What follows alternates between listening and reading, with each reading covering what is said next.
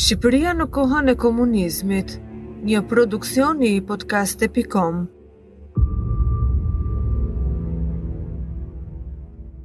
Si u bë Shqipëria vendi i parë ateist në botë?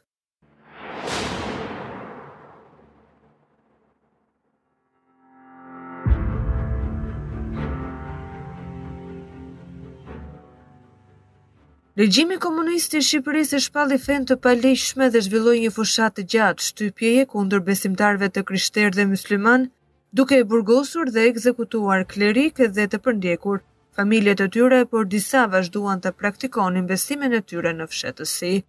Pasi mbaroi lufta, komunistët erdhën së bashku me shkatërrimin e tyre. Profesorët tanë të fesë u pushkatuan, u burgosën. Ata na trajtuan si kafshë. At Ernest Simon Troshani, një prift katolik shqiptar kujton periudhën e pas Luftës së Dytë Botërore në vendin e tij, kur regjimi i udhëhequr nga diktatori komunist Enver Hoxha nisi një goditje ndaj klerikëve dhe besimtarëve fetarë. Pasi Troshani mbajti një meshë në kujtim të presidentit amerikan John Kennedy, kur ai u vra në nëntor të vitit 1963, ai u arrestua në prag të Krishtlindjes dhe kaloi 28 vjet në burg. Ai nuk ishte e vetmja figurë fetare që i nënshtrohej një shtypjeje të rëndë nën sundimin komunist. Një fjalim antikomunist që mbajti kleriku mysliman Hafiz Sabri Koçi, bëri që ai të burgosej për më shumë se njëzet vjet. Prifti katolik, Shtjefen Kurti, u pushkatua për pagëzimin e fëmijëve pasi ai kishte kaluar tashmë njëzet vjet burg, ndërsa një tjetër klerik mysliman, Hafiz Ali Kraja, e takoi djalin e tij për herë të parë në moshën pesë vjeçare përmes hekurave të një qelie në burgun ku u mbajt për dy dekada.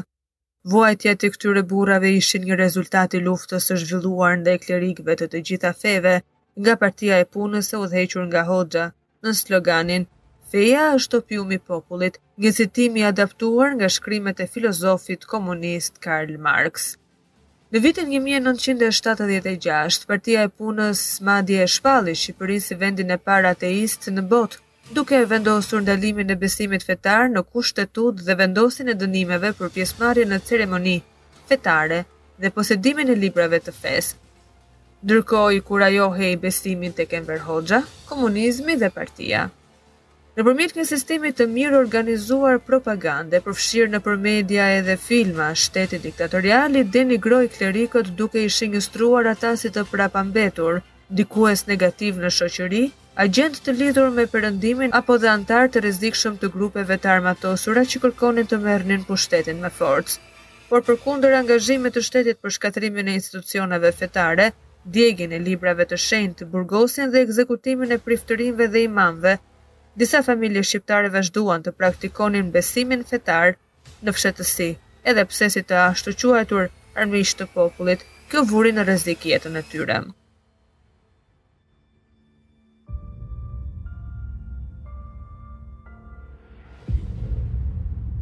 Lufta kundër klerit filloi pasi komunistët erdhën në pushtet në vitin 1945. Ata panë klerikët katolikë, të cilët kishin lidhje të forta ndërkombëtare dhe refuzonin propagandën komuniste si një kërcënim.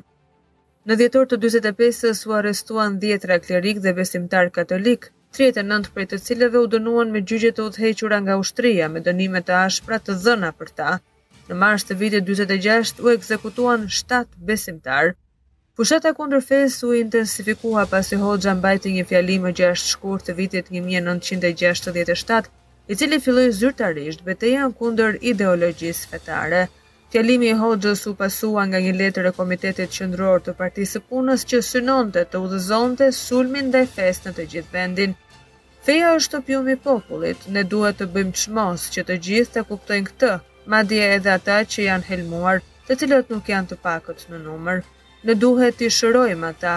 Kjo nuk është një punë e lehtë, por as e pamundur, thuhej në letër.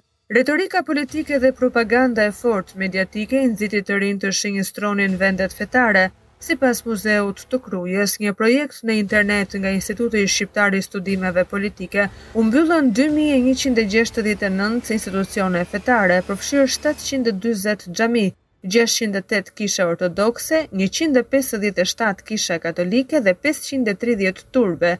Trashëgimia kulturore dhe historike u shkatërrua së bashku me të. Nikolin Kurti, nipi i klerikut të persekutuar dhe disidentit Shtefjen Kurti, kujton se si kjo krijoi një atmosferë pasigurie, Ai kujtoi për një incident veçanërisht shqetësues në dimër të vitit një mijë e nëntëqind e gjashtëdhjetë e tetë që ai vetë dëshmoi ndërsa po shkonte në shkollë në Tiranë një mëngjes. Në rrugën e Kavajës kishte një rresht të gjatë kamionësh të mbushur me njerëz. Kamionët do të çonin njerëzit në kampe internimi, Ata qëndruan atje për dy orë për të trembur njerëzit që shkonin në punë ose shkollë. Ata po përpiqeshin t'u tregonin të gjithëve rrezikun që i priste nëse devijonin nga linja e partisë, tha ai. Besimet fetare u ndaluan plotësisht në Kushtetutën e Republikës Popullore të Shqipërisë në vitin një mijë e nëntëqind e shtatëdhjetë e gjashtë, nëntë vjet pas fjalimit të Hoxhës. Neni tridhjetë e shtatë i Kushtetutës deklaronte, Shteti nuk njeh asnjë fe dhe mbështet dhe zhvillon propaganda ateiste për të përfshirë njerëzit në botëkuptimet shkencore materialiste. Ndërkohë, Neni pesëdhjetë e pesë ndalonte krijimin e një organizate me karakter fetar. I arrestuar në emër të popullit. Një nga rastet më absurde të persekutimit e pësoi At Ernest Simon Troshani, gati nëntëdhjetë vjeç, një nga figurat më të respektuara katolike në Shqipëri. Ishte mbrëmja e Krishtlindjes, njëzet e katër dhjetor gjashtëdhjetë e tre, Kur kisha mbaruar meshën dhe katër persona më erdhën tek unë. Dy prej tyre kishin uniforma ushtarake dhe dy të tjerë ishin veshur civil, kujton Troshani.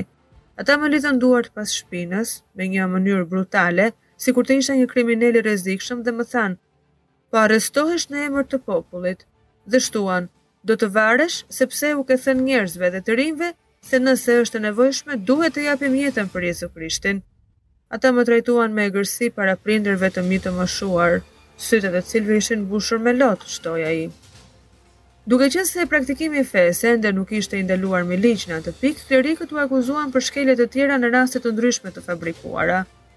Akuzat ishin të gjitha idiotësi, por në fund ato u formuluan si agjitacion, propagandë dhe përpjekje për arratisje dhe ata shtuan diçka tjetër në lidhje me një meshë që mbajta unë kur u vra John Kennedy, gjë që ishte e vërtetë, sepse kur u vra presidenti amerikan, Papa i Romës këshilloi të gjithë priftërinjtë në botë të mbanin një meshë për shpirtin e tij, shpjegoi Troshani. Kleriku tha se ishte torturuar në zyrën e prokurorit në përpjekje për ta detyruar atë të pranonte akuzat e rreme kundër tij. Ata provuan çdo metodë, i shtrënguan aq shumë prangat saqë më ndaloi qarkullimi i gjakut. Nuk e di se si jam gjallë sot, por kur Zoti të përballë me një gjyq, ai gjithmonë të jep fuqi për t'u përballur me të. Troshani u dënua me njëzet e pesë vjet burg, tetëmbëdhjetë prej të cilëve i kaloi i burgosur në burgun politik të Spaçit në veri të vendit, ku të burgosurit ishin të detyruar të bënin punë të rëndë në minierat ngjitur. të bakrit dhe të piritit. Në maj të vitit një mijë e nëntëqind e shtatëdhjetë e tre, një grup të burgosurish organizuan një kryengritje kundër rojeve të tyre dhe filluan të thërrisnin për liri dhe fundin e komunizmit. Kampi ishte rrethuar nga ushtarë të armatosur dhe ata filluan të qëllonin në ajër. Atëherë u arrestova së bashku me dymbëdhjetë deri në trembëdhjetë persona të tjerë, të akuzuar si organizatorë të rebelimit, kujtoi Troshani. Nuk e kisha idenë fare se çfarë po ndodhte, por situata u përkeqësua kur ata i vendosën të gjithë pas një muri dhe filluan t'i thërrisnin me emra. Tre persona u qëlluan për vdekje përpara meje, vazhdoi ai. Troshanit iu kursye jeta, por ai mbeti në burg. Edhe pse rregullat ishin të rrepta, ai vazhdoi të praktikonte besimin e tij në fshehtësi, duke mbajtur meshë dhe duke marrë rrëfime. Ndërsa, persekutimi i shtetit ishte shtrirë edhe te familjet e klerikëve, të afërmit e Troshanit u vunë në mbikëqyrje nga policia e frikshme sekrete, Sigurimi. Por pasi u lirua përfundimisht nga burgu, Troshani u arrestua përsëri dhe u dënua të bënte punë të rëndë në kanalizime.